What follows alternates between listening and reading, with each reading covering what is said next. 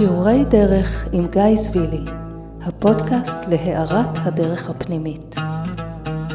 שלום שלום וברוכים הבאים לפודקאסט שיעורי דרך עם גיא זבילי, והיום שיעור מבוא להיכרות עם השערים. כן, אמרת את זה יפה. יופי. אז זה שיעור מבוא להיכרות השערים, ואז השאלה הראשונה שעולה לי, מה הם השערים? אה, השערים הם מרחבי הוויה. הם קיימים בתוכנו, והם מסמנים לנו את הדרך לחזור הביתה, להתחבר למי שאנחנו באמת.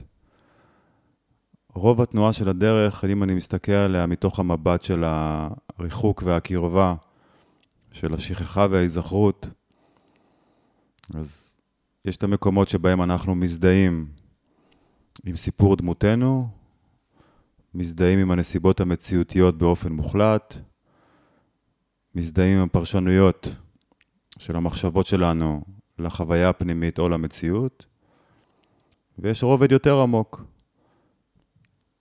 שבו אנחנו פוגשים את עצמנו, קרובים, מחוברים למהות, ומשם אנחנו גם חווים וגם רואים את המציאות בדרך אחרת.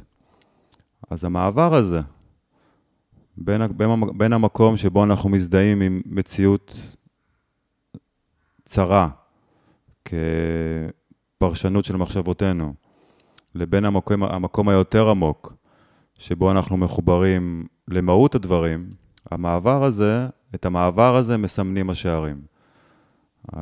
ללמוד את השערים זה בעצם לדעת לחקוק בתוכנו את האפשרות למעבר בין אותו מרחב מצומצם ורחוק, לבין אותו מרחב פנימי קרוב שנמצא בעומק של ההוויה שלנו. כמו סימני דרך.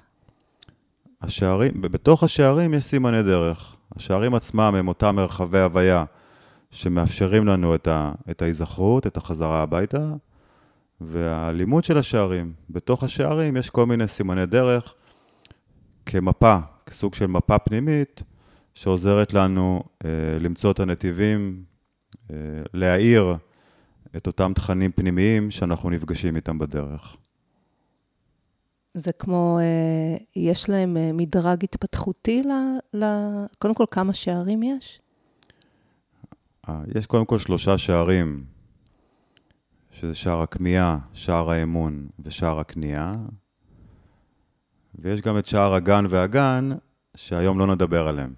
הם, הם שער הגן והגן מתגלים או נפתחים לאותם אנשים שהולכים בדרך, ששואלים, כמרחבים של חניכה, כמרחבים פנימיים שאנחנו נפגשים עם מציאות אה, נסתרת, ו, ודרך המפגש עם אותה מציאות נסתרת, אנחנו ממש עוברים ומקבלים חניכה ל, ל, לאותו מרחב שנקרא הגן. כרגע לא נדבר על זה, שלושת השערים הראשונים זה לצמצם אותם בשיעור אחד, אז זה אתגר יפה. אז זאת אומרת שכשאתה אומר אה, שערים, יש להם איזשהו סדר אה, מדרגי שהם הם דרכם עוברים, או, או מה עושים איתם באמת, עם מרחבי ההוויה האלה? קודם כל, השערים מביאים איתם סוג של שפה. הרבה פעמים, כשאנחנו מתבוננים בתוך התהליך הפנימי שלנו, ואנחנו חווים כל מיני חוויות, אנחנו מתייחסים אליהם דרך המילים והשפה הרגילה שאותה אנחנו מכירים.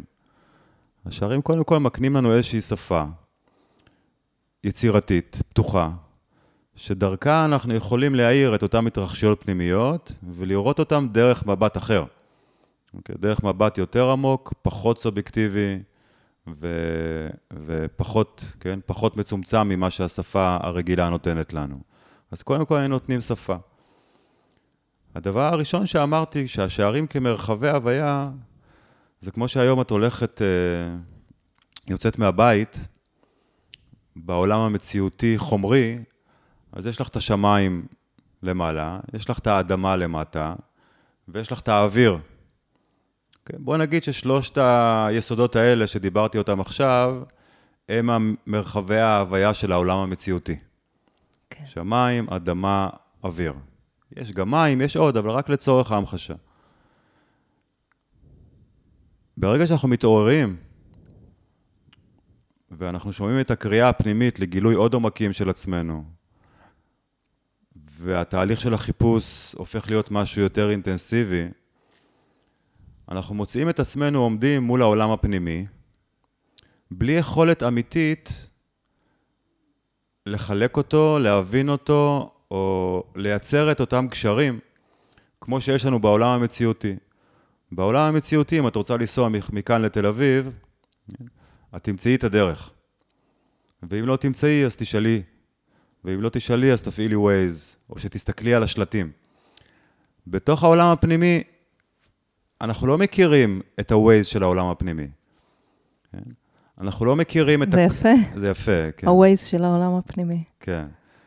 אנחנו לא תמיד מכירים את הקול הפנימי שיכול לכוון אותנו בדרך למחוז חפצנו, כמו שאנחנו יכולים למצוא את מי שמכוון אותנו למחוז חפצנו מחריש לתל אביב. Okay. אוקיי?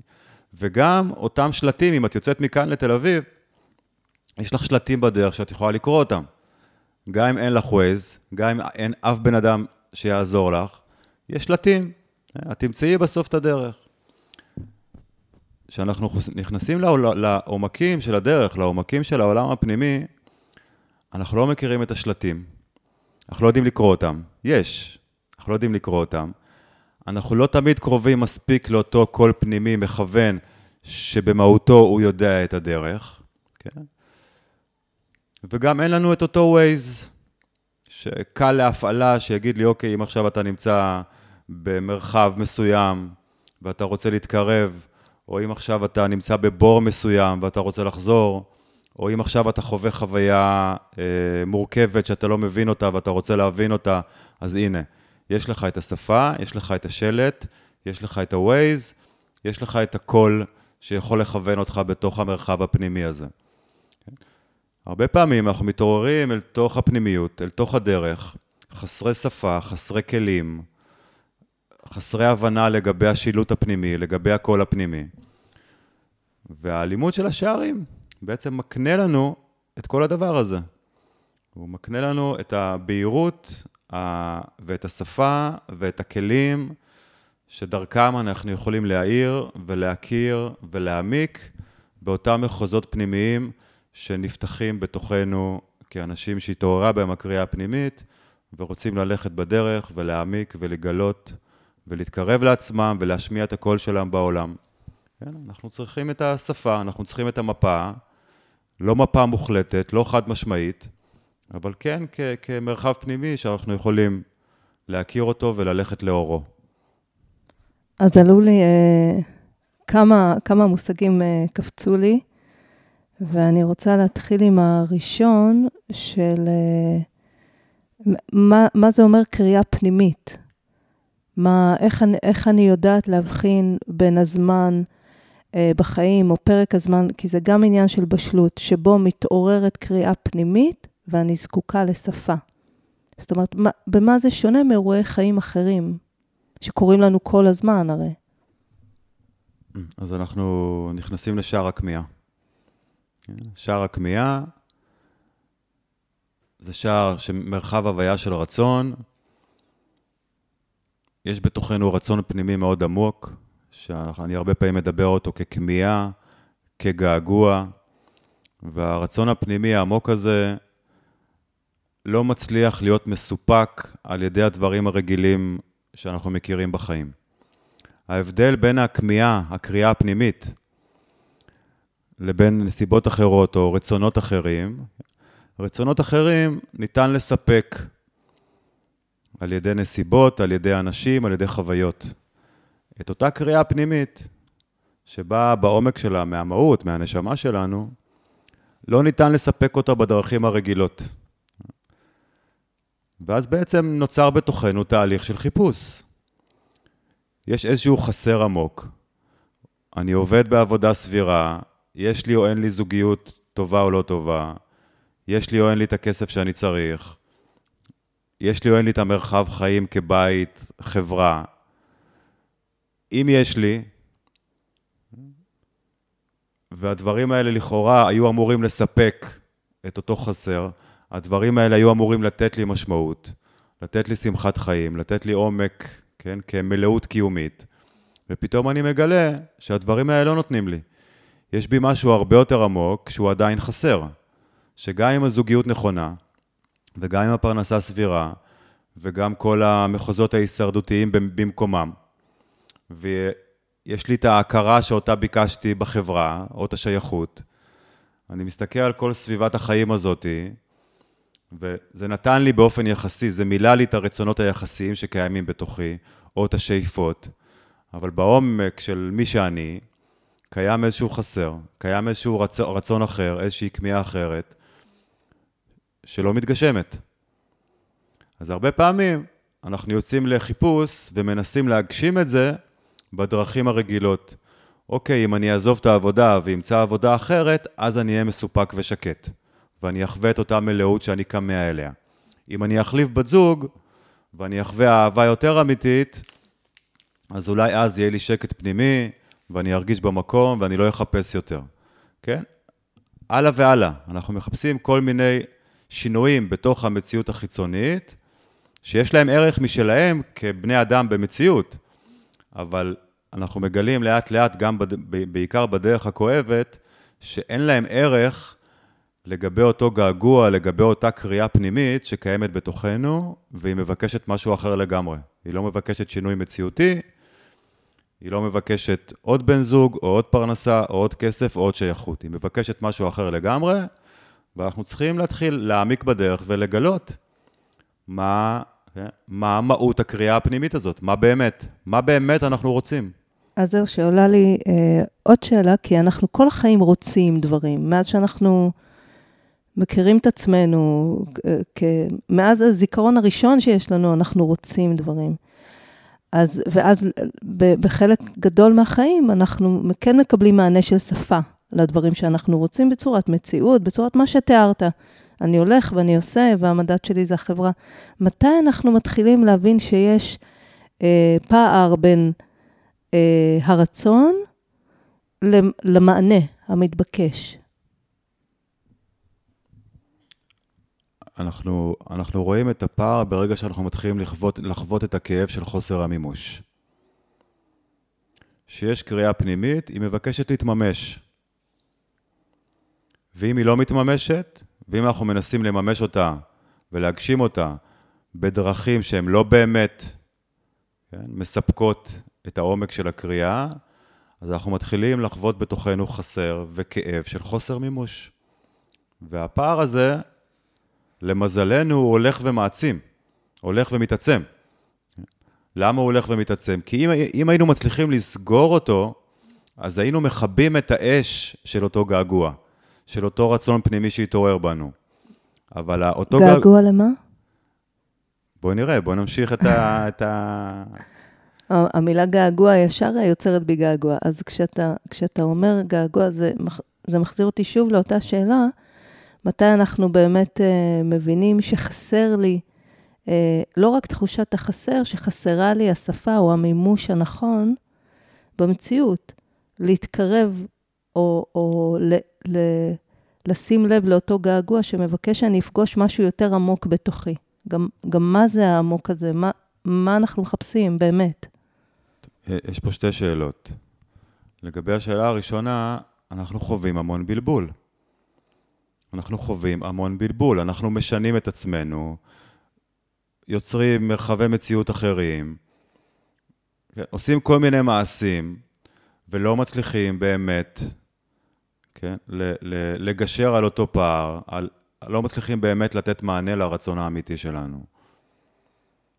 ואז יש כאב של חוסר מימוש, יש בלבול, בעומק של הדבר עולים כל מיני פחדים, שאולי אנחנו טועים ולא עושים אה, את הדברים הנכונים. יש כל מיני אה, אה, פידבקים, כן? כל מיני חוויות, כל מיני התרחשויות שהם, שאנחנו חווים אותם בעקבות חוסר ההצלחה למלא את אותו פער שהתעורר בתוכנו. והשאלה השנייה שלך זה מה באמת אנחנו רוצים. התשובה היא מורכבת, היא פשוטה ומורכבת. כי זה לא מה, ש... זה לא מה אנחנו רוצים. מה הדמות שלך רוצה, אני מאמין שאת יודעת. הדמות שלך כאותה אני, כאותו אני שמייצג את ניבה אל מול העולם, הוא רוצה ביטחון, הוא רוצה הכרה, הוא רוצה שייכות, הוא רוצה, כן, יש, לו, יש כל מיני רצונות. הוא רוצה לחיות חיים נוחים. ואם אני לוקח את איכות ההוויה השנייה מעבר לדמות, ואני שואל מה הגוף שלך רוצה, הגוף שלך רוצה שקט, הוא רוצה הנאה, הוא רוצה עונג, הוא רוצה ביטחון, הוא רוצה... אבל אותה קריאה פנימית, אותה כמיהה, היא, היא מעבר. היא מעבר לרצונות של הדמות, והם מעבר, מעבר לרצונות הבסיסיים של הגוף כ, כיחידה נפרדת. אותה כמיהה באה מהנשמה. הנשמה כאותו יסוד רוחני בתוכנו, שמתגלם באדם, בתוך, בתוך הנשמה יש, יש איזשהו זיכרון לאפשרות אחרת, שאותה אנחנו לא, שאותה אנחנו לא מצליחים להכיר ולדעת דרך ההתנסויות הגופניות ודרך ההתנסויות המחשבתיות של הדמות, וברובד אחד מה, שאותו, מה שאותה כמיהה, מה שאותה קריאה פנימית מבקשת מאיתנו, זה תתחילו ללכת בדרך. תתחילו ללכת בדרך, תתחילו לגלות, תתחילו להשיל דפוסים, תגלו בתוככם כוחות נפש כמו אומץ וסבלנות ושוויון נפש. יש דרך.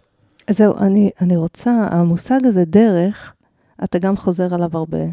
אנחנו מדברים הולכי דרך, אז uh, היות שדרך, זה מדובר לא רק ברעיון של דרך, אלא במשהו שקשור במימוש אמיתי, גם פנימי וגם...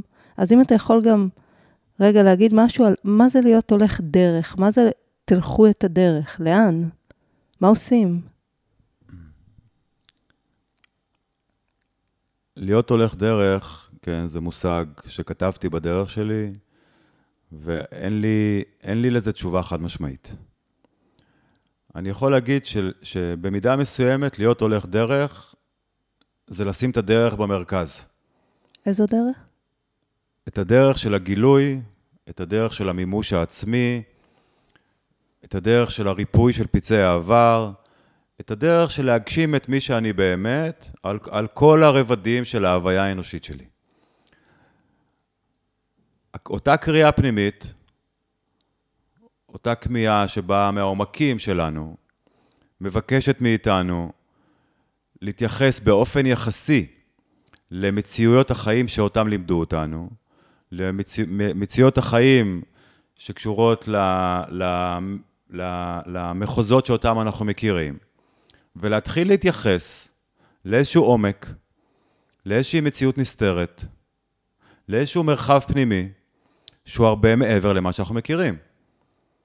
במידה מסוימת, זה תסכימו לצאת להרפתקה של גילוי, הרפתקה מאתגרת, להבין מי אתם באמת.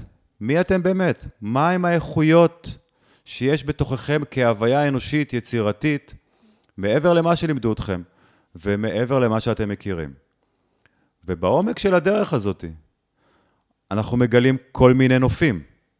לא משנה, לא משנה אם הנופים נוגעים בעומקים רגשיים שלא הכרנו לפני זה, כחוויה של קרבה עצמית, של אהבה, או שהמרחבים האלה נוגעים ב, ב, במקומות שקשורים למימוש עצמי, מה יש לי לתת לעולם, מה הקול הייחודי שלי, מה המתנה שלי, או בעומקים רוחניים של קשר אל אותו קול פנימי, אל אותה מציאות נסתרת, אל אותה הנחיה והכוונה שקיימת בתוכנו. יש כל מיני רבדים של הדרך. השערים מכוונים אותנו קודם כל לחזרה הביתה. קודם כל להתחבר לאותה נוכחות, לאותה מהות פנימית, שדרכה מתגלים נתיבים נוספים של הדרך. עניתי על שאלתך, או שזה... לא, ברור. כן? שאלתי למען. כן. אז אמרת שהשער הראשון הוא שער הכמיהה, מבין שלושת השערים שאתה שם במרכז של הלימוד, ונתקדם לבא. כן, אני קודם, קודם אתן אה, אה, בקצרה. שער כמרחב הוויה בעצם מסמן את ההתרחשויות הפנימיות שלנו בתוך אותו שער. בשער... נכון, אתה גם אומר, אה, נפתח, או גם לזה אני אשמח שנתייחס. מה זה אומר שער פתוח? אם יהיה לנו זמן בסוף, אז אני אנחה חמש דקות מעבר התנסותי בין השערים, שזה יותר קשור לתרגול כן. המעבר בין השערים, פחות ללימוד השערים, זה עוד נדבך של הדרך של השערים. אז שער הכמיהה, כן, הוא בעצם, במרכז שלו עומד התהליך לגלות הרצון האמיתי שלך. אמרנו, יש את הרצונות של הדמות, יש את הרצונות של הגוף, יש את הרצונות שהוטמעו בנו כחלק מהיותנו יצור חברתי בתור סדר חברתי. יש רצונות שהם כבר לא באמת שלנו, אבל עדיין אנחנו מנס, מנסים לממש אותם. ויש רצון אחד מאוד עמוק, שלצורך השיח נקרא לו הרצון האמיתי. אותו רצון אמיתי מוביל אותנו להיכרות הרבה יותר עמוקה עם עצמנו, להגשמה הרבה יותר עמוקה, ובשביל שהרצון הזה יתגשם ויוביל אותנו, אנחנו צריכים ללמוד את הדרך אליו. איך לתת לרצון, לאותה כמיהה עמוקה, מקום בחיינו, על חשבון אותם רצונות יחסיים אחרים, שכל הזמן לוקחים את תשומת ליבנו. התהליך נקרא גילוי רצון. זה מה שאנחנו לומדים בשער הכמיהה. אנחנו לומדים לאן הרצונות האחרים לוקחים אותנו, איך לאפשר לתת להם מקום יחסי, ואיך להפנות את תשומת הלב לאותו יסוד פנימי שקשור לרצון האמיתי, ואיך לאט לאט לייצר מערכת יחסים וקשר אל אותה כמיהה, לגלות אותה ולתת לה להוביל אותנו בחיינו. זה התהליך שעומד במרכז שער הכמיהה. והתייחסות נוספת זה לחיפוש עצמו. אמרנו שברגע שאנחנו מתחילים לשאול ולבקש ולחקור אה, ולחפש משהו שהוא מעבר למה שאנחנו מכירים, מתחיל בתוכנו תהליך שהוא לעיתים מאוד סיזיפי ואינטנסיבי של חיפוש. אנחנו, המחשבות מנסות לתת לנו מענה לאותו רצון, לאותו פער אה, של חוסר מימוש שמתגלה פעם אחר פעם בתוכנו. והחיפוש הזה יוצר הרבה בלבול. למה הוא יוצר הרבה בלבול? בגלל שהמחשבות לא יכולות לתת מענה לאותו רצון. המחשבות שלנו כדפוסי חשיבה, הן כל הזמן משתמשות במה שאנחנו מכירים, במוכר ובידוע, בניסיון לתת תשובה לאותו חיפוש פנימי. אז בשער הכמיהה אנחנו לומדים איך לשחרר את אותן מחשבות, לזהות ולהבין שאותן מחשבות לא יכולות לתת לנו את המענה למה שאנחנו באמת רוצים, ודרך זה להתחבר לרובד הרבה יותר עמוק, כמו שאמרתי, שבאמת יוכל, יכול להוביל את הדרך שלנו. טוב, אז התחלנו בחיפוש. הסכמנו להיות הולכי דרך. האמת שהרבה פעמים התהליך הזה מתחיל בלי שנהיה מודעים אליו, נכון? נכון. נכון. וזה השלב שאתה אומר שכשמגיעה אה, השפה, היא, היא יכולה לבאר לנו מה בכלל קורה לנו, מה אני מחפשת. יש שלבים של הרבה בלבול. ואז התחלנו לנוע, ומה קורה הלאה. מה אנחנו פוגשים? כן, זה נכון. אפשר לעבור לשער הבא? כן, אפשר. לפני זה, בהתייחס למה שאמרת, הרבה פעמים כשאני מדבר את השערים, או שאנשים באים למפגש למבוא, או לסדרה, או לשנת לימוד, אז הם אומרים לי, אתה, השערים מדברים אותי. הרבה מהדברים שאתה אומר זה דברים שאני עובר, אבל לא ידעתי איך להגיד אותם. לא אז הייתה... זאת השפה, אתה כן, אומר. כן, בדיוק. לא הייתה לי את השפה להבין שהתנועה הבלתי פוסקת של המחשבות זה בעצם תהליך של חיפוש. ולא הבנתי שמה שאני מחפש, כן, זה לממש את אותו רצון עמוק שמתעורר בתוכי. חשבתי שמה שאני רוצה לממש זה כל מיני דברים שאני חושב עליהם, אה, כל מיני דברים מציאותיים ופנימיים, שאני יודע להגדיר אותם. אותו התייחסות לאותו חסר עמוק, כן? האפשרות לפגוש בתוכנו את תחושת החסר, ובמקום למלא אותה כל פעם על ידי כל מיני אה, אה, מערכות יחסים, או אפליקציות, או אוכל, או חוויות, או סדנאות, אלא להבין שיש בתוכנו חסר עמוק, שמבקש מאיתנו ל- ל- ל- לייצר איזשהו קשר עם המהות שלנו, ולא להמשיך לחפש ולספק אותו בדרך הרגילה. האפשרות לפגוש את אותו חסר ולמצוא נתיבים אמיתיים לתת לו מקום ולמלא אותו. כן, זה, כל השפה הזאת זה חלק מהלימוד של שער הכמיהה. אז כן, אה, לשאלתך אפשר לעבור לשער האמון. אז קדימה. שער האמון, מה אם שער הכמיהה זה מרחב הוויה של רצון, שער האמון זה מרחב של שינוי. ברגע שעולה בי רצון אחר, שהוא קצת אה, במידה מסוימת מרחיק אותי מהסדר החברתי המודרני.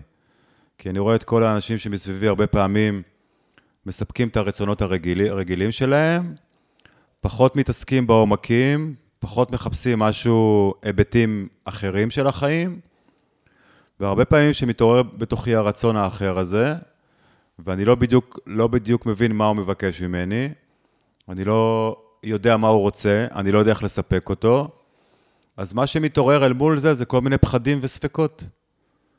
ולפחדים ולספקות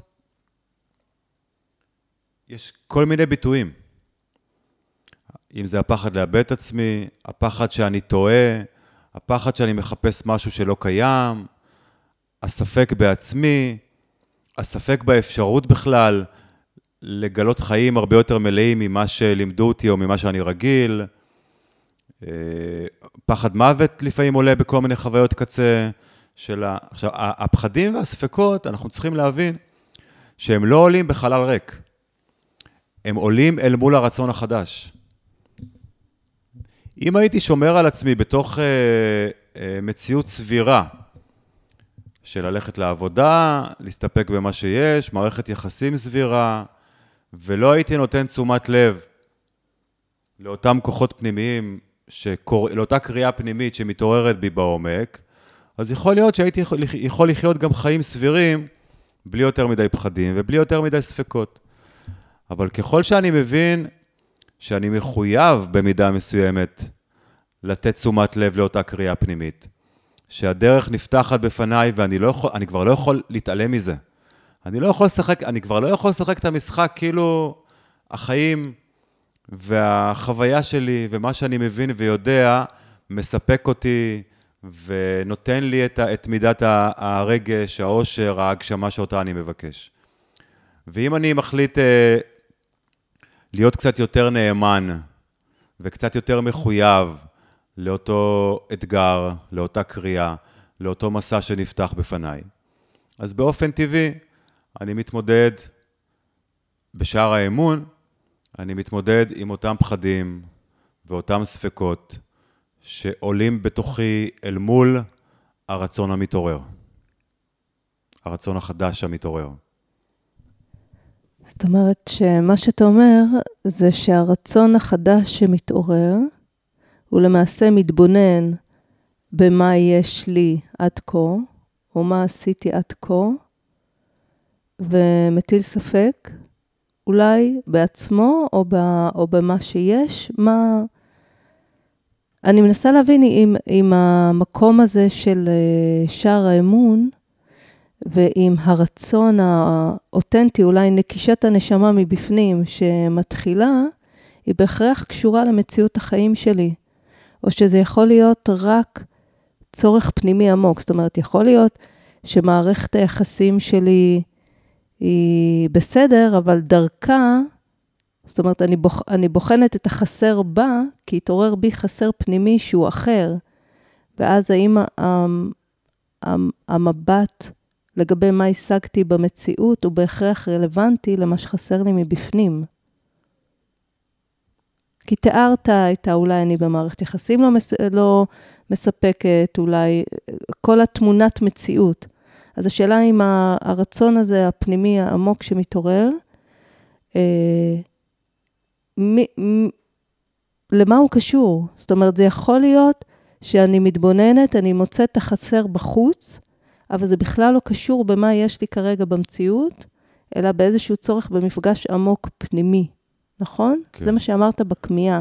אז מה מאתגר את זה בשער האמון? מה שמאתגר את זה, שהרצון שמתעורר, הרצון עצמו לא מטיל ספק. הרצון הוא אש פנימית שמתעוררת, כמיהה של נשמה, שמבקשת להוביל את הדרך שלנו בצורה אחרת ממה שדפוסי החשיבה של הדמות שלנו הובילו אותנו עד, עד, עד, עד כה.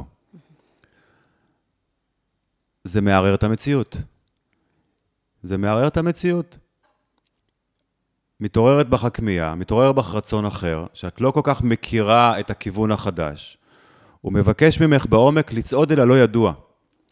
לצעוד אל הלא ידוע, לגלות דברים חדשים, לשנות את הדפוסים הרגילים שלך, להתחיל לחשוב אחרת, להתחיל להתייחס לאיך שאת רואה את החיים אחרת, להתחיל לגלות כל מיני מקומות בעצמך שדורשים תשומת לב. זאת אומרת, הרצון מערער את כל הדרך שבה התייחסת למציאות עד עכשיו. עד עכשיו היית בנתיב מסוים, דפוסים מסוימים ניהלו את המציאות הפנימית שלך, מחשבות מסוימות, על סמך מחשבות מסוימות לקחת החלטות, כן? החיים המציאותיים שלך היו כאלה ואחרים והם סיפקו או לא סיפקו את, את, את רצונותייך, ואז כל פעם שינית את, את רצונותייך ואת הדרך שלך בתוך המציאות החיצונית. למרות שבעומק ראית שאין לזה, זה לא באמת מספק את, אותו, את אותה קריאה פנימית. אז בא, מתעוררת איזושהי רוח חדשה, שמבקשת אותך להעמיק ולצעוד אל הלא ידוע, ואל מול זה עומדת מציאות ישנה, שמנסה, בעל כורכך, לשמר אותך במוכר ובידוע, כן? היא לא, המציאות הישנה לא רוצה שתקחי סיכונים, היא יוצרת בתוכך פחד הישרדותי, היא, אומר, היא, היא יוצרת בתוכך ספקות שאומרות לך, אל תלכי לעומק, אל תלכי ללא ידוע, כן? אין לך מה להשיג שם, זה לא אמיתי. את סתם מחפשת משהו שאין, אולי תסתפקי במה שיש במקום ללכת ולחפש דברים שאין. הספקות והפחדים מתעוררים, שהתכלית שלהם במידה מסוימת, יש להם עוד, אבל במידה מסוימת זה לשמר אותך במוכר ובידוע, ולא לאפשר לך את הפריצה אל העומקים האחרים שמבקשים להתגלות אה, עבורך ובתוכך. אז אה, אני רק שמה את המיקוד על המושג מציאות פנימית.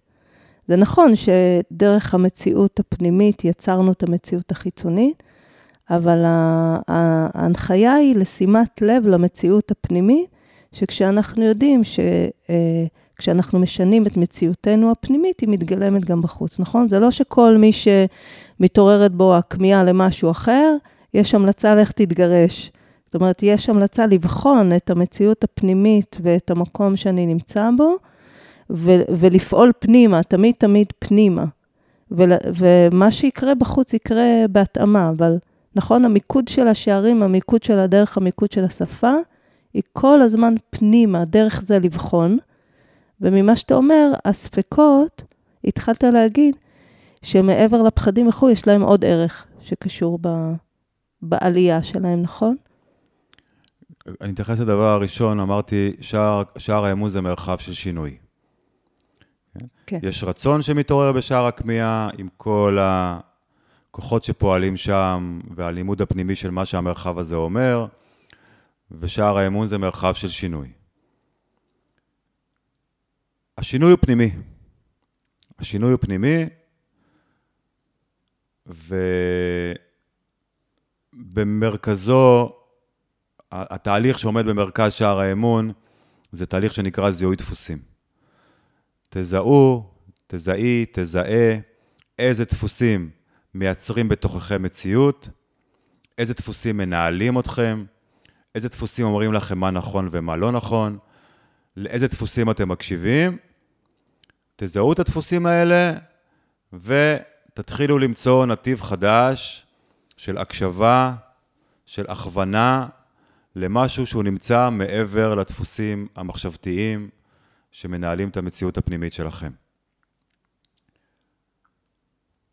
וזה עומד במרכז של שער האמון, השינוי הזה, השינוי התודעתי, שבו לאט לאט אני מצליח למצוא נתיב להיות קשוב לכל אחר, לעומת הנתיבים הרגילים שהכרתי עד היום, שהם קשורים להקשבה ולאמונה באותה מציאות מחשבתית שנוצרת דרך המחשבות בראש שלי.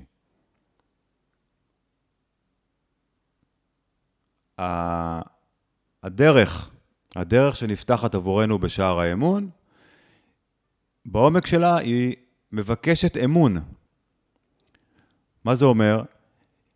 כל פעם מחדש, אם תצליחו לתת אמון באותו, באותה קריאה פנימית, באות, באותה רוח חדשה שמתעוררת בתוככם, באותו רצון, במידה מסוימת בעצמכם, בחיים עצמם, שיש בתוכם הרבה יותר ממה שאתם יודעים, שאתם באמת יכולים להגשים את עצמכם. אם תיתנו אמון, כן, באותה קריאה, אז השינוי יתממש. אנחנו לא יכולים לממש את השינוי בשער האמון בלי האמון עצמו. כי אם אני לא נותן אמון באותם כוחות פנימיים שמתעוררים בתוכי כחלק מהמסע אל עצמי, או המסע אל החופש, או המסע אל האהבה, או הדרך עצמה, לא משנה איך נגדיר את זה, אם אני, לא, אם אני לא מוצא פעם אחר פעם את הדרך לתת בזה אמון, כידיעה שקטה ללא מילים, לא איזושהי אמונה מחשבתית שמייצרת מדד של בעד, בעד החדש, אל מול כל הכוחות שמטילים ספק והם נגד החדש. גם לא אמונה עיוורת, נכון? גם לא אמונה עיוורת. יש בתוכנו כבר. אם התעוררה בתוכנו הקריאה והרצון להעמיק בדרך ולגלות ולהיות מי שאנחנו באמת, יש בתוכנו את מידת האמון הראויה כל פעם בשביל להמשיך בדרך. זה קיים בתוכנו. השערים מלמדים אותנו, השערים לא מלמדים אותנו להאמין, הם מלמדים אותנו למצוא את אותו מרחב של אמון שכבר קיים בתוכנו. אבל למצוא את אותו מרחב של אמון שקיים בתוכנו, לגלות אותו כל פעם מחדש, מה זה אומר? זה אומר שאנחנו צריכים לזהות את הדפוסים ואת הכוחות שלא מאפשרים את הגילוי הזה. שהם יכולים לעלות רק כשאני בספק. הספק זה חלק מהכוח הזה, כן. נכון? הספק, אם כרגע אני בספק, אם כרגע אני מקשיב לספק, לספק, הספק בדרך כלל גם יוצר פחדים, והספק מחזיר אותי לשליטה של אותם דפוסי חשיבה. לא, התכוונתי דווקא על הערך, כי... אה, אה, זאת אומרת, לא ליפול לאמונה עיוורת, משום שיש ערך בספקות כשהם עולים, כי מייצגים את הדפוסים. ודרך זה אני למד להכיר את עצמי.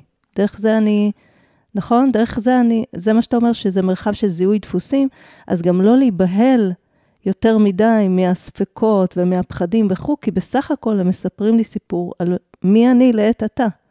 ואז כשאני למרות זה או עם זה, חוזרת לאמון, שהוא לא עיוור, אני לא עיוורת לדפוסים, אני לא עיוורת לחולשות, אני לא כי אמרו לי להאמין אז תאמיני ואני עוצמת עיניים.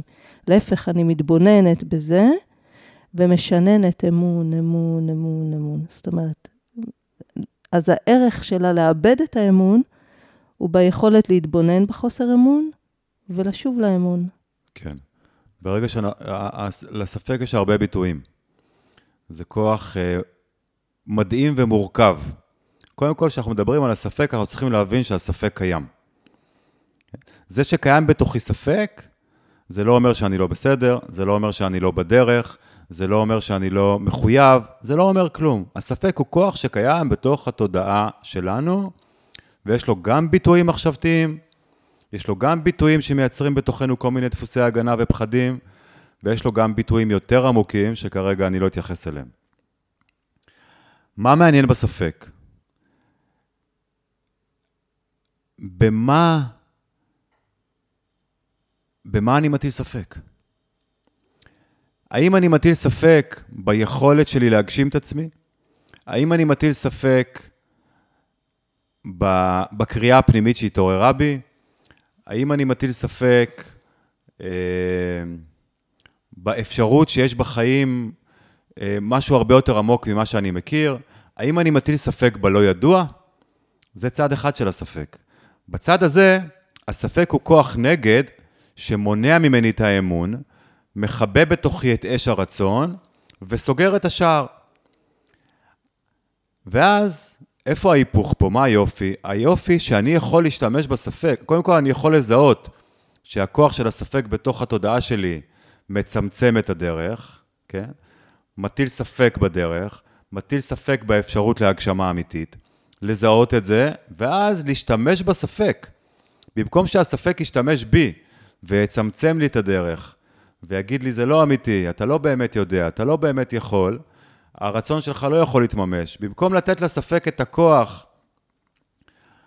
לסגור ולהקטין, אני, אני מביט בזה, אני מזהה את הדפוס שלו, אני מזהה את הדרך שבה הוא, הוא, הוא מגשים את עצמו בתוכי, ואז אני לוקח את הכוח הזה אליי, ואני מטיל בזה ספק.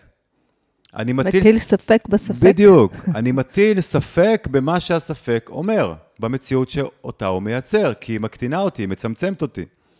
אפשרות שנייה, זה להשתמש בספק אל מול הדפוסים. אם יש בך דפוס של קורבנות, או יש בך... בי? חס וחלילה, בחיים לא. אם יש בתוכי דפוס של אשמה, אם יש בתוכי דפוס של ביטול עצמי, אם יש בתוכי דפוס שלא מאמין, אם יש דפוס בתוכי שמייצר מציאות כזו או אחרת, הדרך שלי, הדרך שלי לא לתת לדפוסים לנהל את המציאות הפנימית שלי, זה להטיל בהם ספק. הספק הוא כלי לחקירה. כי אם אני הולך שבי אחרי מציאות מחשבתית מסוימת, אז היא מובילה אותי, היא מנהלת אותי, ואני נאמן לה. איך אני יכול לצאת מהמציאות המחשבתית הזאת? רק על ידי הספק. אני לוקח לידי את הזכות להשתמש בספק.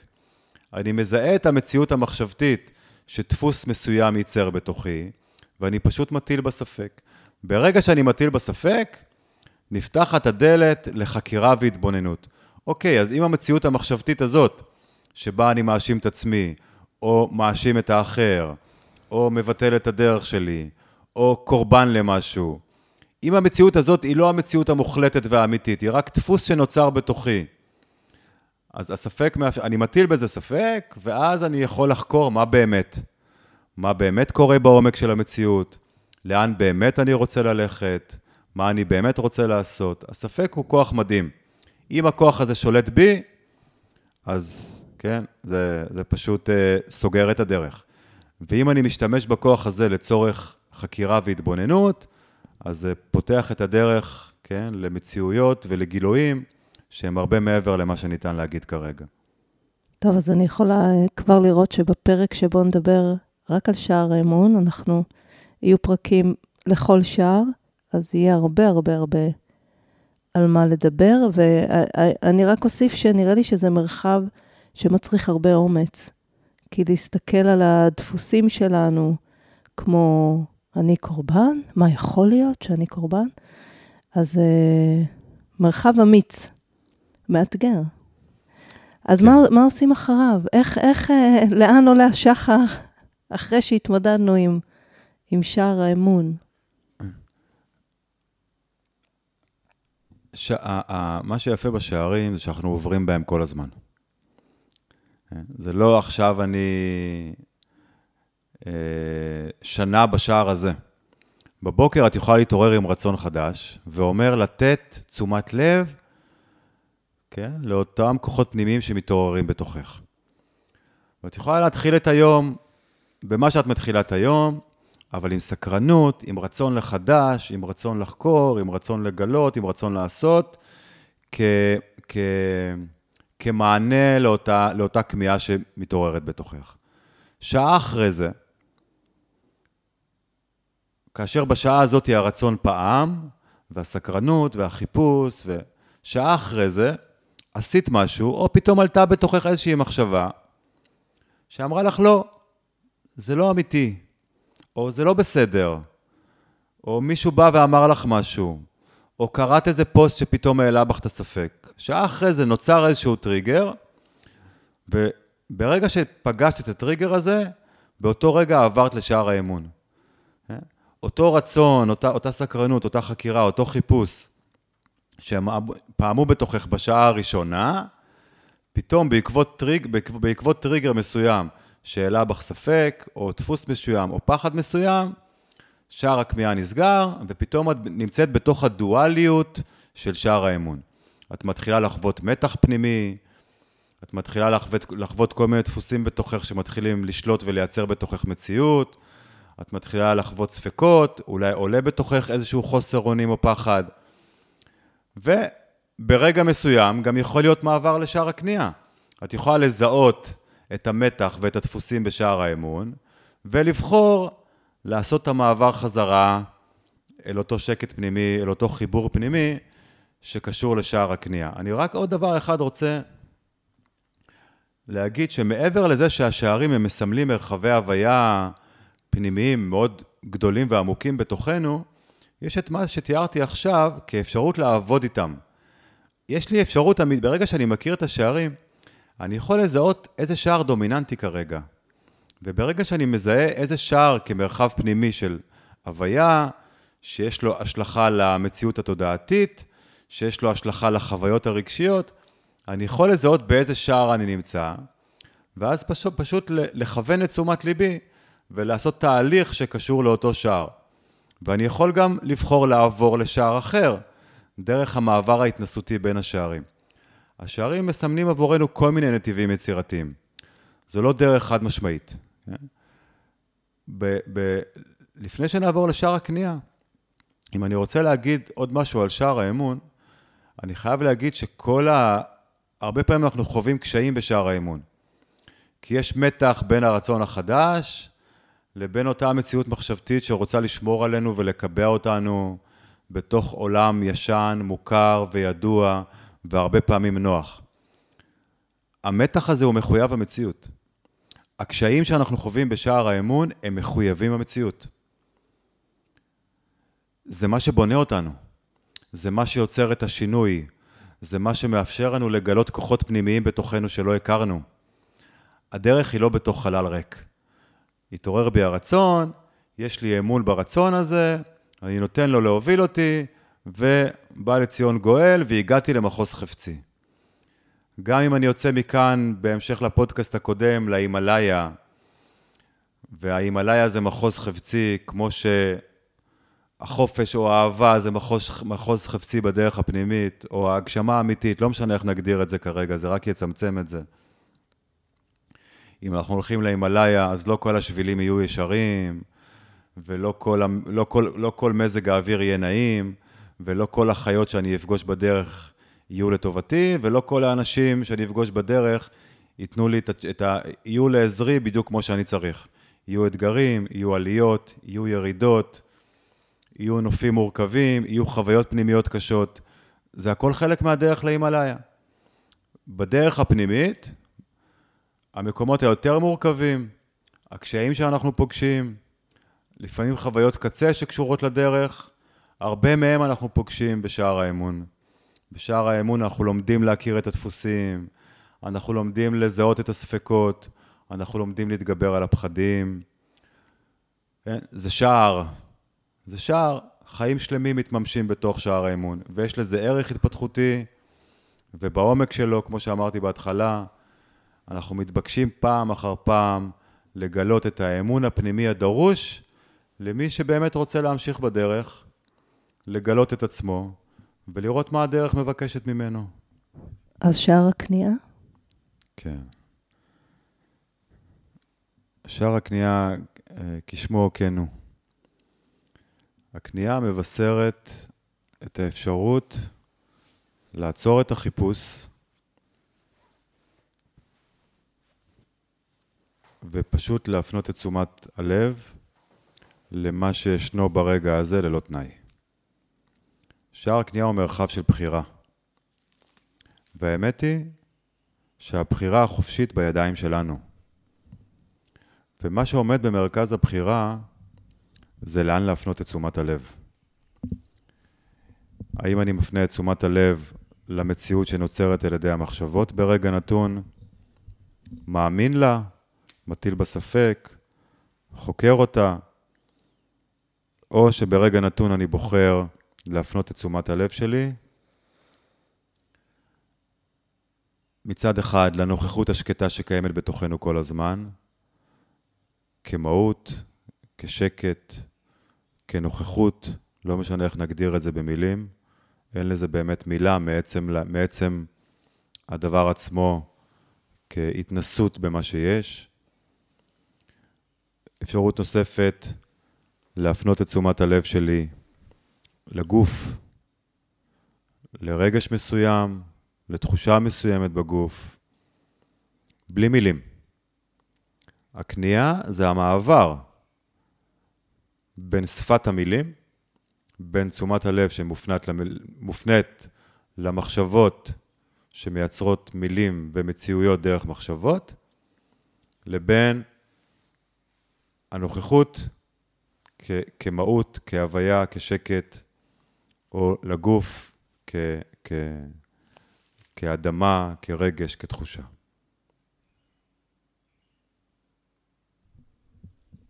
אז למעשה זה סוג של פאוז. זאת אומרת, זו, זו בחירה כשאתה... זה תמיד צריך לבוא אחרי שער האמון? שאפשר מראש להיכנע. שאלה מעניינת. אה, נדמה לי שכבר שאלתי אותה פעם. היא קצת מורכבת למפגש מבוא. אני רק אגיד, אה, אם, אם את עוברת בשער האמון ויש לך אמון, אז אני בכניעה. אז בדיוק. בכניעה. בכניעה. האמון כידיעה עמוקה ללא מילים, ברגע שהוא קיים בתוכך, אז שער הכניעה נפתח. אם לא היה ברגע נתון אמון, והיה שם ספק או משהו אחר, כן, אז, כן, אז קודם כל צריך לראות את זה, ואז להפנות את תשומת הלב לאותה מהות. למרות שבמידה מסוימת, אני לא רוצה לצמצם את השערים, יש בתוכנו את היכולת לעבור בשערים או לחזור לאותה נוכחות בשער הקנייה כהרף עין. ככל שהפעם היה לי מושג שהגדרתי אותו כעומק הנוכחות. ככל שהנוכחות שלנו יותר עמוקה, ככל שאנחנו יותר מכירים את הקולות והדפוסים והכוחות שקיימים בתוכנו, ככל שהרצון שלנו יותר מזוקק, לא פעם ביום או פעם בשבוע, הרצון שלי להיות מי שאני באמת, הרצון שלי להיות חופשי, הרצון שלי להיות קרוב, ככל שהרצון הזה יותר מזוקק ופועם בחיים שלי, לא רק ברגעים מסוימים, אלא ממש כישות של רצון, אז ככה באמת האפשרות הזאת לבחור להיות, אה, ואומר להיכנע אל אותה נוכחות, אל אותה מהות, היא הרבה יותר פתוחה בפניי, והרבה פעמים בעומק הדרך זה כבר מתממש כהרף עין, המעבר הזה בין השערים. לא צריך שום מילה בשביל לממש את, ה, את אותה חזרה הביתה לעצמנו.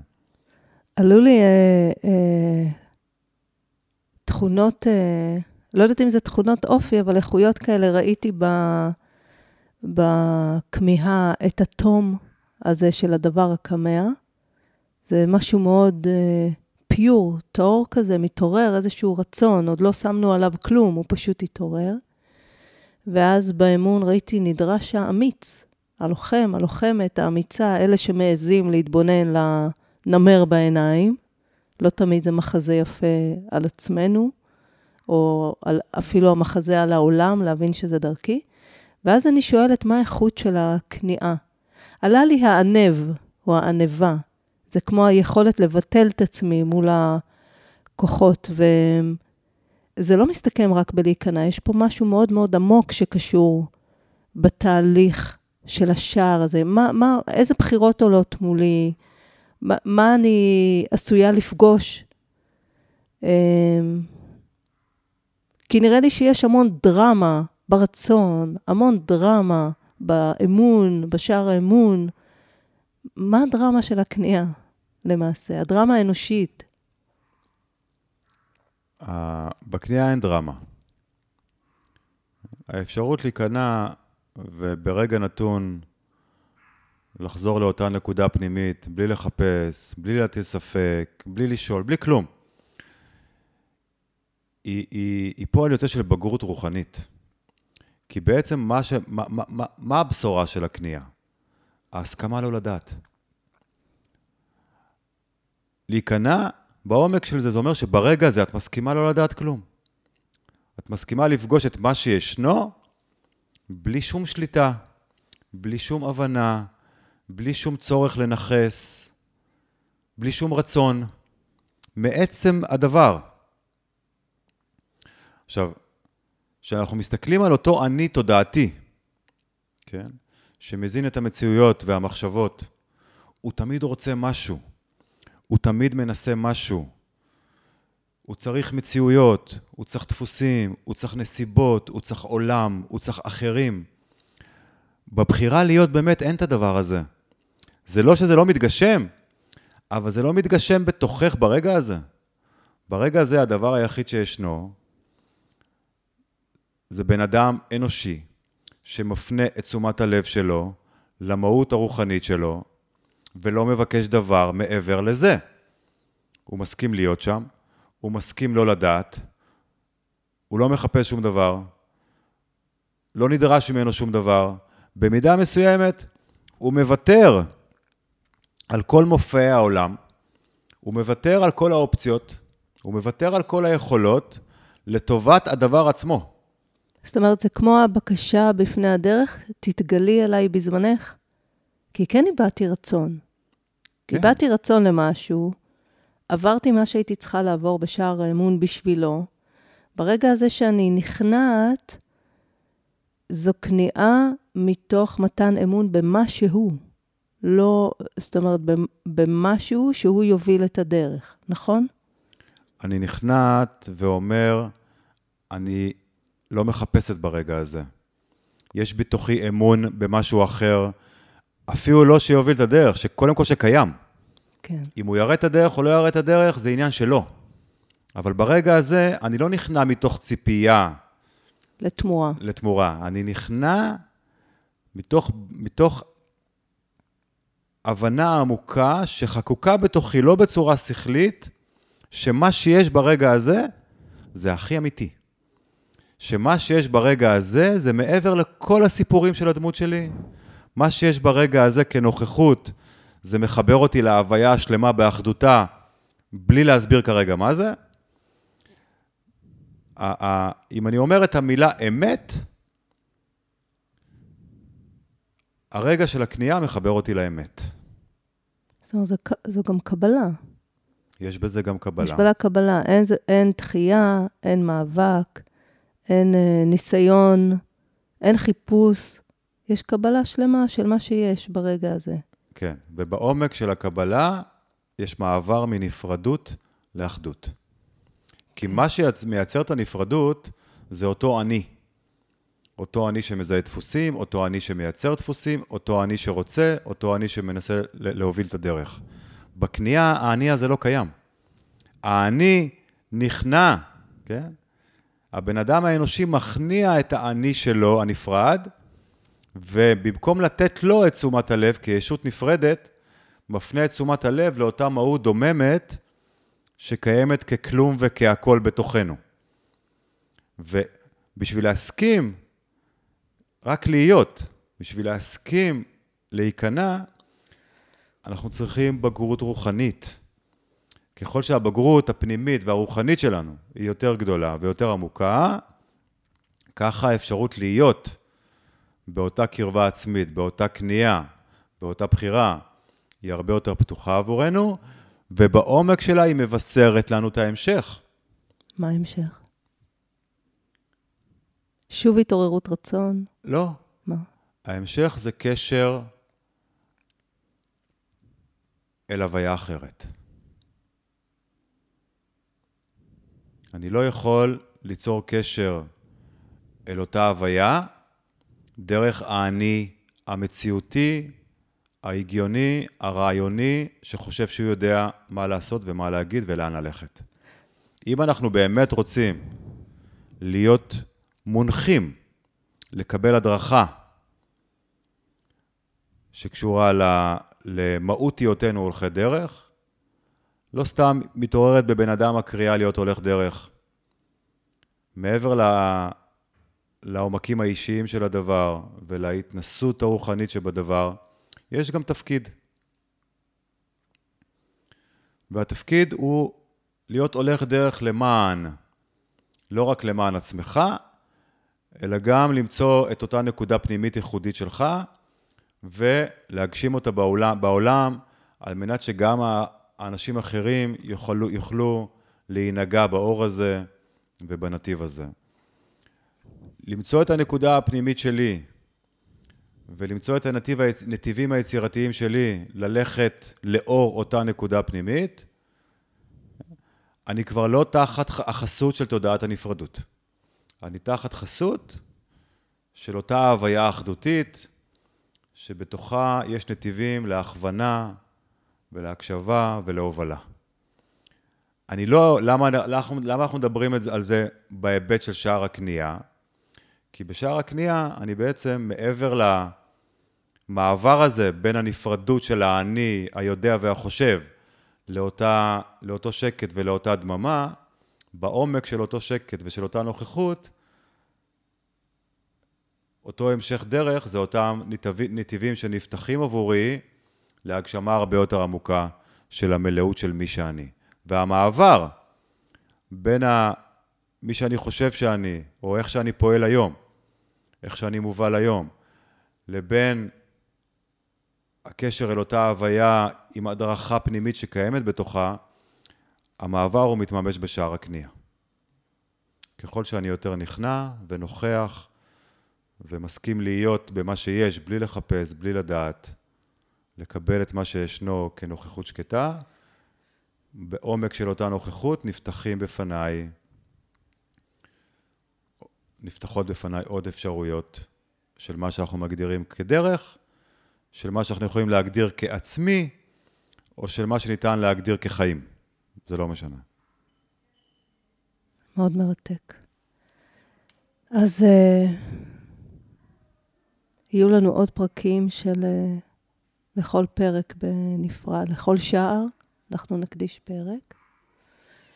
איך, uh, איך אתה מסכם את המבוא הזה לטובת מי שהאזין עד עכשיו וכמה נקודות? Uh, אני יכולה להגיד ממה אני uh, חוויתי.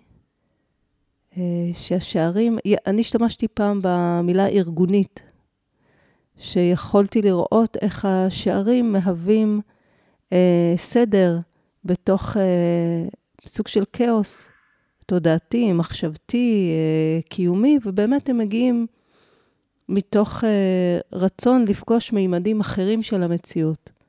אני זוכרת שאצלי בעבר הרחוק זה התעורר בשאלה מה זהו. אה, כשבחנתי את חיי ואותה כמיהה הזאת שאתה קורא לה שער הכמיהה התעוררה, אז השאלה הגדולה שעלתה לי, מה זהו? אמ, אז השערים אה, הם למעשה ארגון, דרך לסדר חוויות, שפה. הייתי רוצה שבמילים שלך כזה ת, תסכם את ה... זה, זה, השאלה הזאת היא, היא אתגר שעומד בפניי כל הזמן. כן. בעיקר, בעיקר לאור העובדה שלא באמת ניתן לצמצם את השערים. הרבה פעמים כשאני מסיים שנת לימוד או קבוצת לימוד, אחרי תקופה די ארוכה, אני שואל את האנשים במפגש סיכום, מה הם השערים בשבילכם? וכל אחד אומר משהו אחר. כן. וזה מדהים אותי, כי זה מה שאני רוצה. אני לא רוצה לצמצם לאף אחד את הדרך. אני לא, לא רוצה לייצר שיטה חד משמעית. אני לא רוצה שמישהו יקדש את השערים ויחשוב שזו הדרך היחידה. אני כתבתי את השערים במשך 7-8 שנים. ואני מלמד אותם כבר המון שנים, ואני הולך בהם המון שנים, והם עדיין ממשיכים ונפתחים בפניי. ו- וזה היופי. זה, זה נכתב מתוך דרך מאוד מאתגרת ועמוקה שאני עברתי. וההתנסות שאנשים עוברים עם השערים, היא מאפשרת להם להיפתח לעומקים של עצמם ולעומקים של הדרך, שלא היה להם שום מושג על קיומם. ובעצם הגשר הזה בין האדם לבין הפנימיות שלו. כמו שאמרתי, האדם בעולם החיצוני יודע להסתדר בצורה כזו או אחרת. איך לאכול, מתי להתקלח, איך להתפרנס, לא להתפרנס, מערכות יחסים. האדם אל מול העולם הפנימי שלו, אם אין לו את השפה או את הדרך התבוננות, או מושגים מסוימים, או, או לימוד מסוים, אז הוא חסר אונים. הוא חסר אונים. ולי מאוד חשוב שאנשים יגלו את הדרך שלהם בעצמם. שאנשים ימצאו את הקול הפנימי שלהם בעצמם. ש, ש, שאנשים ימצאו את ההדרכה הפנימית שלהם בעצמם. ולכן השערים, כמרחבי הוויה, הם רק מאפשרים את הגשר הזה בין, בין אדם לעצמו. הם לא מייצרים שום תורה או נתיב חד משמעי. זה פותח, וזה פותח, וזה פותח עוד. ככל שאני מעמיק בשערים, נפתחים בפניי עוד אפשרויות. ככל שאני מכיר את השערים, אני רואה עוד רבדים של הנפש שלי, של העצמיות שלי, וזה היופי, ולשם אני, אה, לשם אני רוצה להמשיך. אני רוצה שהאנשים ינהגו בשפה, ינהגו באור השערים, ינהגו במה שהשערים מבקשים להביא עבורם, עבור כל אחד ואחת באופן ייחודי, וישתמשו בהם איך שהם רוצים. כן. מה שיפה גם, זה שגם אם את לא משתמשת בשערים, יש משהו בידע הזה שנחקק בתוכך. זה כמו שחייה. נכון. כן? זה כמו לנהוג.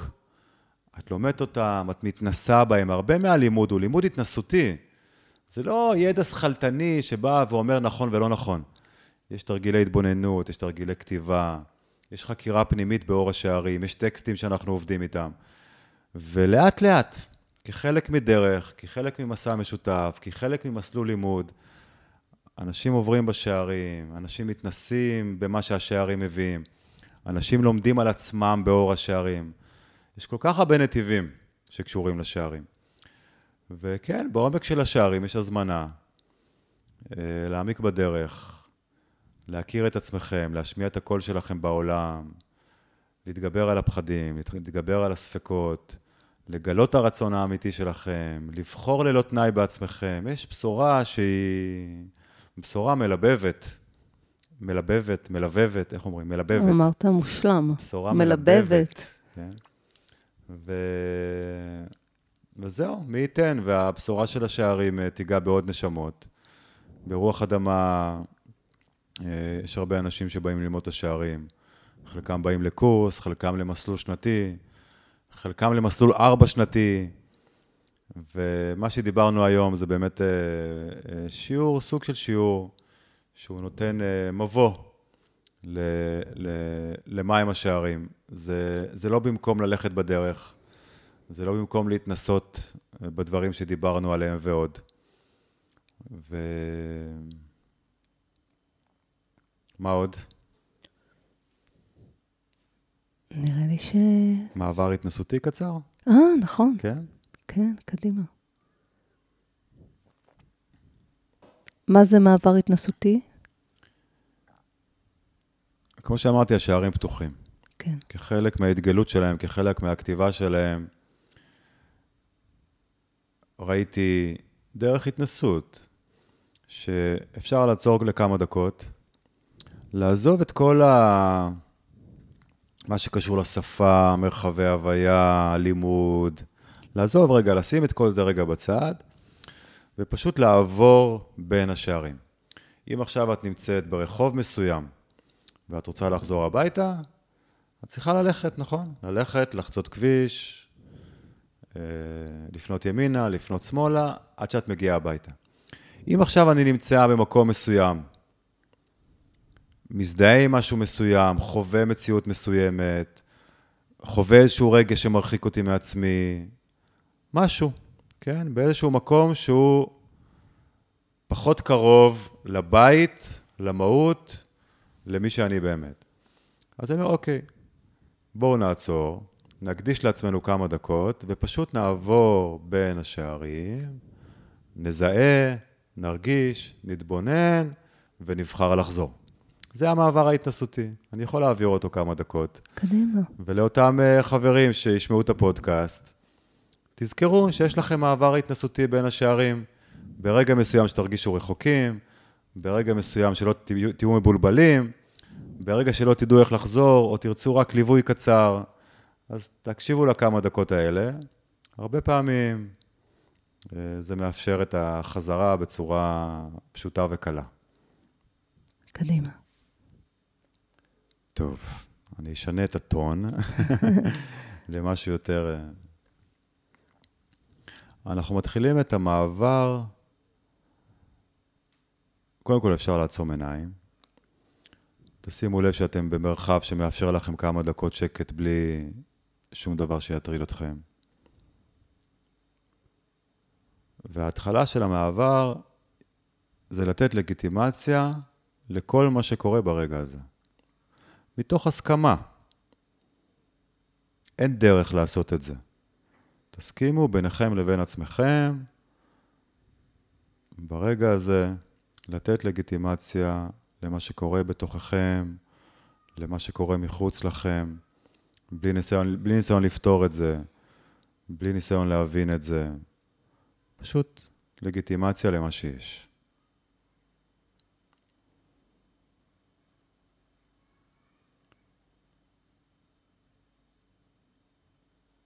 ועכשיו תסכימו להרגיש את החסר בתוככם. החסר מסמן איזשהו פער בין מה שאני באמת רוצה לבין מה שנמצא בתוכי. הפער הזה הוא פער שיש לו תחושות מסוימות. בואו נסכים להרגיש את התחושות מתוך הפער הפנימי הזה. בואו נסכים להיות חסרים. אפשר, מי שרוצה למקד את תשומת הלב באזור השקע בגרון, לא משנה מה התחושה שיש שם, תחושה נעימה, תחושה של פער, תחושה של כאב. אפשר להפנות את תשומת הלב לאזור השקע בגרון, ופשוט להסכים להרגיש את החסר.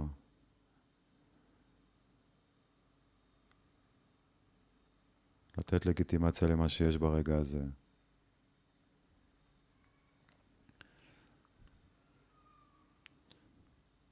ולעצור את החיפוש. לא לחפש שום דבר, לפחות לא בכמה דקות הקרובות. ואם המחשבות מנסות להבין, ואם המחשבות רצות למציאות, ואם המחשבות מטילות ספק, אל תתייחסו. אל תשתפו איתם פעולה. תפנו את תשומת הלב חזרה ותסכימו להיות, להרגיש את החסר בתוככם. זה בסדר אם באה מחשבה מסוימת, וזה גם בסדר מבחינתכם לא להתייחס אליה ולהחזיר את תשומת הלב.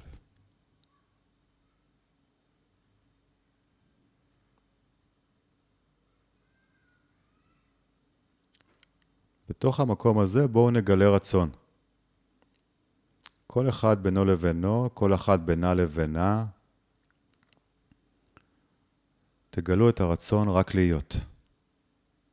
רק להיות עם מה שיש ברגע הזה, בלי להבין איך עושים את זה. הרצון עצמו יפתח עבורנו את השער. אפשר להגיד את זה במילים, אני רוצה, אני רוצה, כרגע רק להיות. לא יודעת איך לעשות את זה, לא יודע איך לעשות את זה, אבל זה הרצון שלי.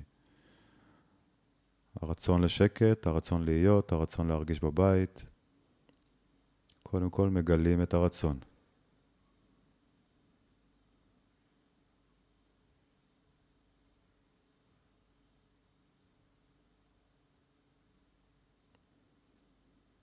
לשים לב שאנחנו לא מזדהים עם מחשבות החיפוש, שאנחנו לא מחפשים את הדרך לממש את הרצון, רק נותנים לו להיות כפעימה פנימית, אולי כתחושה של חום או של אש, או כסקרנות, בלי מילים.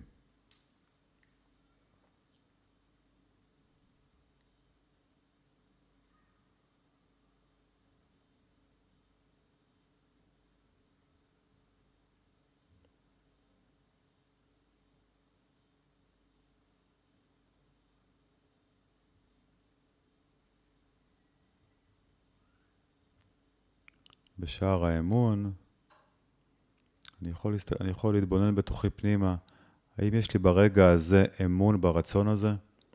לא אמון מילולי, אלא כי יש ידיעה שקטה שמאפשרת לרצון הזה להיות, שלא מטילה בו ספק, שלא מאתגרת אותו, שלא אומרת כן אפשר, אי אפשר, שלא מייצרת דפוסים אחרים.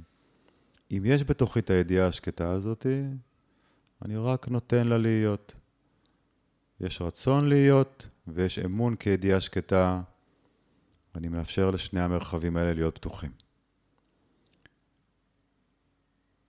אם אני מזהה איזשהו דפוס שלא מאפשר לי את האמון, איזשהו ספק, איזושהי מחשבה שלוקחת אותי למקומות אחרים עכשיו, אנחנו רק מתבוננים בזה. אנחנו לא מזדהים, אנחנו לא מתנגדים, אנחנו לא עושים דה-לגיטימציה, רק מתבוננים. כן, יש פה דפוס, יש פה מחשבה, יש פה משהו שלא מאפשר לי רק להיות, שלוקח את תשומת ליבי. תתבוננו בזה, תאירו את זה באור המודעות שלכם ברגע הזה, בלי למה, בלי איך, בלי מתי. ותחזירו את תשומת הלב שלכם לרצון, לתחושות הגוף, ואם עוד מחשבה עולה, עוד דפוס, תזהו בלי מילים, ותבחרו לחזור לרצון רק להיות.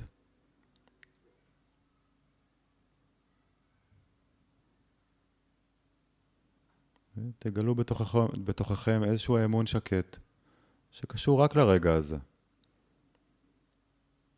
לא למה שהיה ולא למה שיהיה.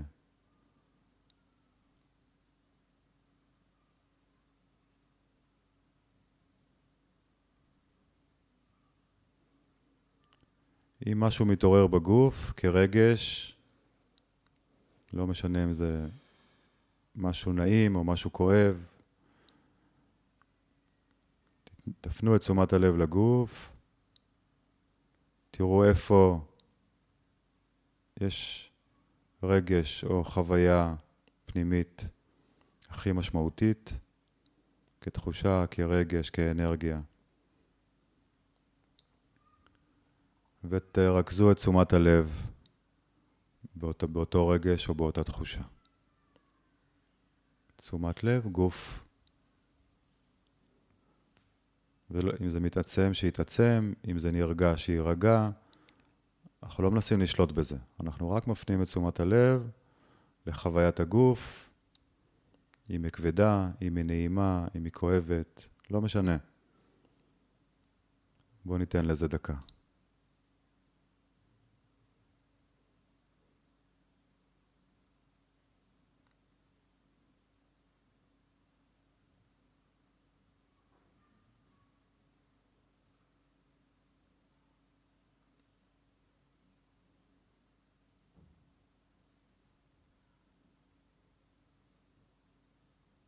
בלי לחפש במחשבות.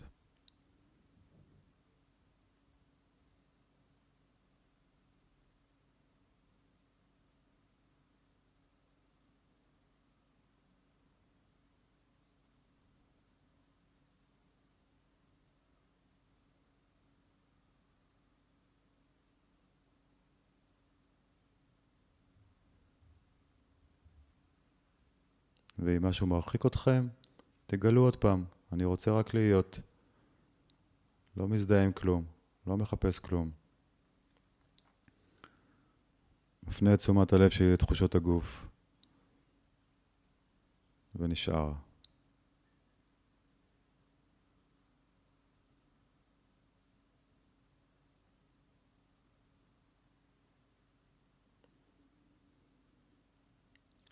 ועכשיו נעבור לשער הקנייה. קודם כל, ההסכמה לא לדעת. האם אני עושה נכון? לא יודע. האם זה זה מה שגיא מתכוון? לא יודע. האם יש משהו אחר? לא יודע. לשחרר את שליטת המחשבות מהניסיון לדעת מה נכון ומה לא נכון. איך אנחנו משחררים? אנחנו מסכימים ברגע הזה לא לדעת. תגלו את ההסכמה הזאת בתוככם.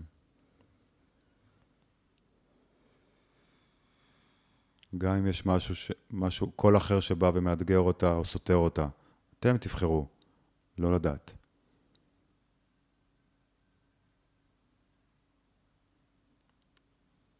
ורק להיות.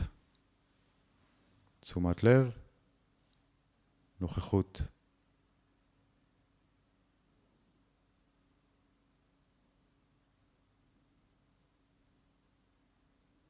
תנוחו בתוך מה שיש, בממשי, לא בשום רעיון, לא בשום עבר, לא בשום עתיד, לא בשום מחשבה. בלי להטיל בזה ספק, בלי לחפש משהו אחר ובלי לצפות לכלום.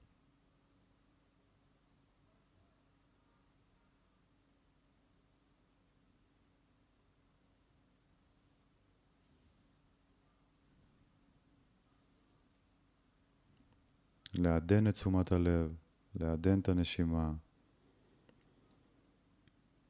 אפשר בדקה האחרונה, בעדינות, לרכז את תשומת הלב באזור העיניים, להתבונן בזה שמביט, בזו שמביטה. רק להיות מודעים לנוכחות השקטה שהיא אתם, בלי מילים.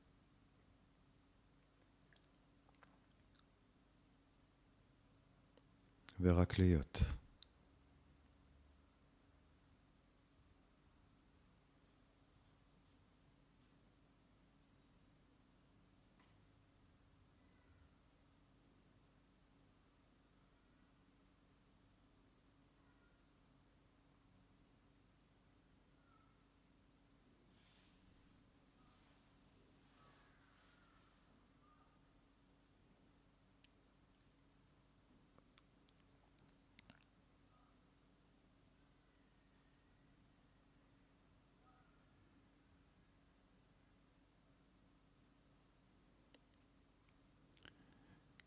כן, זה המעבר ההתנסותי בין השערים. אפשר להקשיב לו מדי פעם. אני דיברתי אותו הפעם בצורה אחת, וכל פעם שאני מדבר אותו הוא מדובר בצורה אחרת. השערים פתוחים. לפעמים אפשר לעשות את זה יותר קצר, לפעמים יותר ארוך. בעומק המעבר יש סוד, זו לא מדיטציה רגילה. אנחנו פשוט כן, מנתבים את דרכנו. לאותה מהות שקיימת, מגלים את הרצון האמיתי, מזהים מה מונע מאיתנו, נותנים אמון וחוזרים הביתה. והאמת היא שהשערים פתוחים, והאמת שאפשר לחזור הביתה מכל מקום, לא משנה כמה התרחקנו, לא משנה כמה הזדהינו. ברגע שאנחנו לומדים את השערים וחוקקים את הידע הזה בתוכנו כידיעה פנימית, אז אנחנו לאט לאט יותר ויותר חופשיים להיות מי שאנחנו ולחזור למי שאנחנו, ושנזכה. אמן. אז תודה, וניפגש בפרק על שער הכמיהה. תודה רבה, גיא. תודה רבה.